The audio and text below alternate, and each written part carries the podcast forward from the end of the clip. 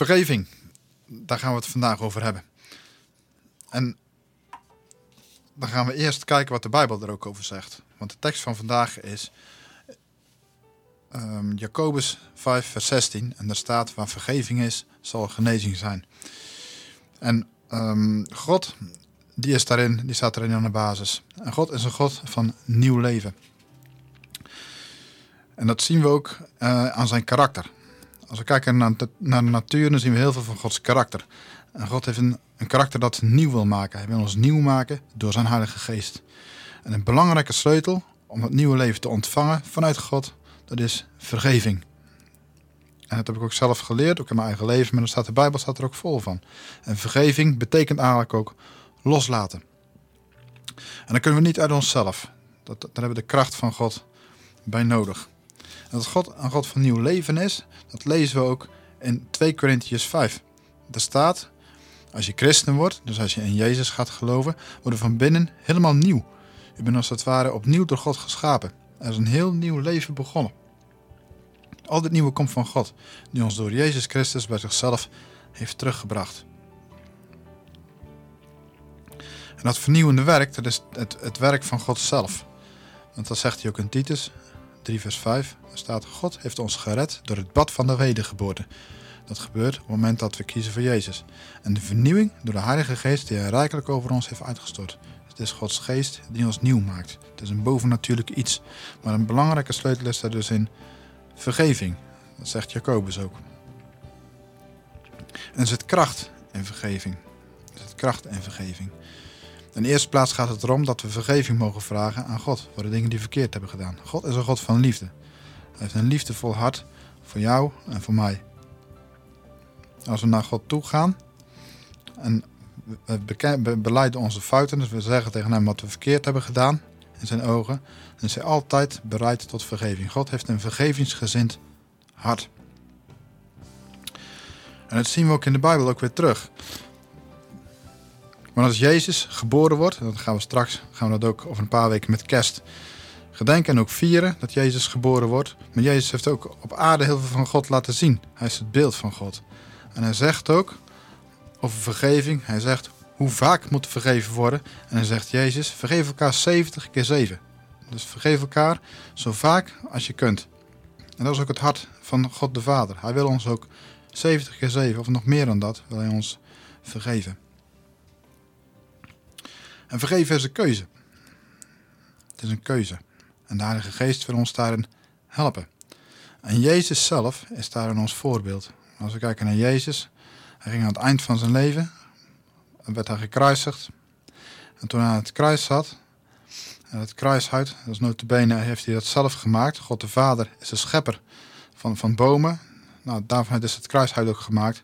En hij is ook de schepper van ons, van jou en van mij. En zijn schepselen die scholden hem uit. Maar zijn zelfs in de diepste pijn, waar hij het meest werd uh, uh, ja, vertrapt door woorden van mensen die over hem spotten. Hij zei, vergeef het hun vader, want ze weten niet wat ze doen. Over de mensen die hem probeerden te pijnigen. Dus hij vergaf zelfs in zijn diepste pijn. En daarin is Jezus ook een voorbeeld voor ons. Want hij zegt zelf, zegt hij ook, want als je de mensen hun overtredingen vergeeft, zal je hemelse vader ook jou vergeven. Maar als je de mensen hun overtredingen niet vergeeft, zal je vader je overtredingen ook niet vergeven. Dat wordt geschreven in de bergreden, Matthäus 6, zegt Jezus dat. En dat bedoelt God denk ik niet als een dreiging, maar juist ook om, als, een, als een middel om te laten zien dat vergeving een belangrijke sleutel is om ook dingen los te laten. Loslaten van uh, wat mensen misschien tegen ons gezegd hebben. Als ze dat, wat misschien familie of vrienden tegen ons gezegd hebben. Of misschien wel een baas tegen ons gezegd heeft. Of misschien wel een vrouw of een kind tegen ons heeft gezegd. God daagt ons uit om die mensen te vergeven. Maar op het moment dat wij vergeven, in de naam van Jezus, dat we ook uitspreken over die mensen, dat kunnen we doen in gebed, maar dat we het zeggen, ik vergeef jou. En op dat moment, dan laat het je ook los. Dan is het niet iets meer wat je belast. En dat is de sleutel tot genezing. Dus waar vergeving is, zal genezing zijn. En daar wil ik graag ook iets over vertellen vanuit mijn, uh, mijn persoonlijk leven. Maar eerst zullen we dan uh, luisteren naar een lied wat er ook over gaat. Dat we geen slaaf hoeven te zijn van angst of van zonde, maar dat we juist vrij kunnen zijn. Juist ook door vergeving. Ik vertelde zo net dat ik, uh, dat liet ik zien wat Jezus, hoe dat hij vergaf. Hoe dat hij zelf in zijn diepste pijn anderen kon vergeven. En ik wil ook graag ook iets van vertellen, hoe dat het in mijn eigen leven heeft gewerkt. In de eerste plaats heb ik God leren kennen. Het was door de kracht van vergeving heen. Toen ik, uh, ik leerde God, vroeger had ik hem leren kennen als iemand die uh, heel streng was en waar je van alles van moest. Maar God heeft me op andere manieren dingen laten zien. Op een avond, dat ik toen op mijn knieën ging, dat ik toen, uh, toen het idee had dat hij van me vroeg om een aantal dingen vergeven voor te vragen. En ik ging op mijn knieën en toen vroeg ik, toen zei ik, Heer, vergeef me. Um, en toen noemde ik een heel aantal dingen op. En ik verwachtte op dat moment dat ik direct God zou ervaren, maar dat was niet zo. Er ging een hele tijd overheen. Dus ik ging door. Ik zeg van, Heer, vergeef me. Ik denk achteraf gezien dat God ook zoiets had van, nee, laat maar even zien dat je het echt meent. En op dat moment brak de hemel open. En voelde ik een enorme liefde van God de Vader. Het was er die vergeving heen, die, hij me op dat moment schonk. En het was een sleutel want hij liet me zien hoeveel hij mij had vergeven. En daardoor ging, veranderde iets in mijn hart en kon ik ook anderen gaan vergeven. En de eerste plaats was dat richting mijn eigen vader. En ik had vroeger het idee dat mijn vader heel veel onrecht had gedaan bij mij. En had heel veel uh, dingen gedaan die me pijn deden. En ik kon het allemaal op, zo'n manier uitleggen dat uh, ik niet de schuldige was, maar dat mijn vader de was. Maar ik had idee dat God zei van je moet stap 1 naar je vader maken. Ga naar hem toe en vraag vergeving. En dat vond ik een enorme drempel. En toen later zei een vriend tegen mij, hij zei van uh, je vader had ook een vader. En op dat moment ging voor mij een deur open.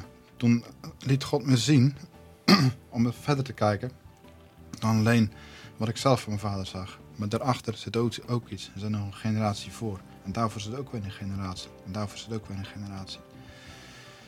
Dus ik ben toen inderdaad naar mijn vader toe gegaan. Heb vergeving gevraagd. Voor een aantal dingen. Schoor voelt het.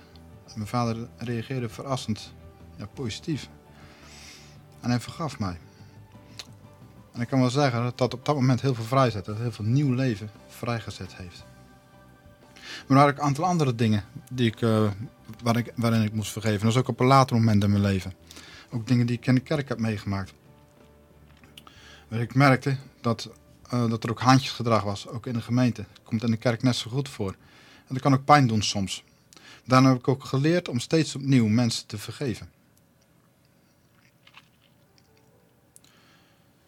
En God liet me steeds weer zien dat dat een sleutel is. Een sleutel om dicht bij hem te blijven, maar ook een sleutel om dicht bij anderen te blijven. Ook mensen om je heen. Ook, ook in de kerk, ook bij familie en bij vrienden. En ik merk ook steeds opnieuw dat het ook een sleutel is om mensenharten te bereiken.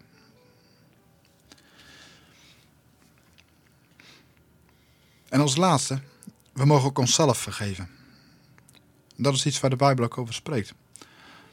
Psalm 103 zegt het zo. Hij zegt, hij straft ons niet naar onze zonden. Hij vergeldt ons niet naar onze schuld. Zover als het oosten is van het westen. Zover heeft hij onze zonden van ons verwijderd.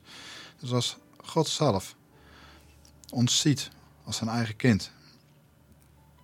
Dat, misschien als je zelf kinderen hebt, dan herken je dat wel. Dan heb je het beste voor met je eigen kind. En zo is dat met God ook. Op het moment dat wij hem vergeving vragen, dan gooit hij die zonde als het ware weg. Hij werpt ze weg. Hij ziet ze niet meer. En hij kijkt met ogen van liefde kijkt hij naar ons. En zo mogen wij ook naar onszelf kijken. Daar, daar geniet hij van. Op het moment dat wij onszelf zien zoals hij ons ook ziet. Is vergeving. Dat geeft ook ruimte voor nieuwe stappen. Elke keer vergeven is een zaadje van nieuw leven. Je wordt meer zoals je bent bedoeld. En steeds meer naar het beeld van Jezus. Ook dwars door je diepste pijn of diepste strijd heen. En dat zegt de Bijbel ook. En daar wil ik eigenlijk ook mee afsluiten. We worden van alle kanten belaagd, maar raken niet nou. We worden aan het twijfelen gebracht, maar raken niet vertwijfeld.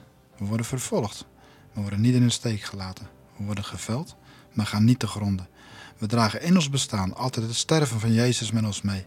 Dat ook het leven van Jezus in ons bestaan zichtbaar wordt. Dat wens ik je ook van harte toe. Dat je ook, misschien heb je strijd, misschien heb je twijfels. En mag je weten dat je altijd naar God mag gaan om vergeving te vragen. Maar ook naar de mensen om je heen mag gaan. Dat is ook iets waar God ons in uitdaagt, om vergeving te schenken. En we mogen ook onszelf vergeven. Dat is ook wat de tekst ook zegt dat is ook een waarheid. Waar vergeving is, zal genezing zijn. En dat wens ik je van harte toe.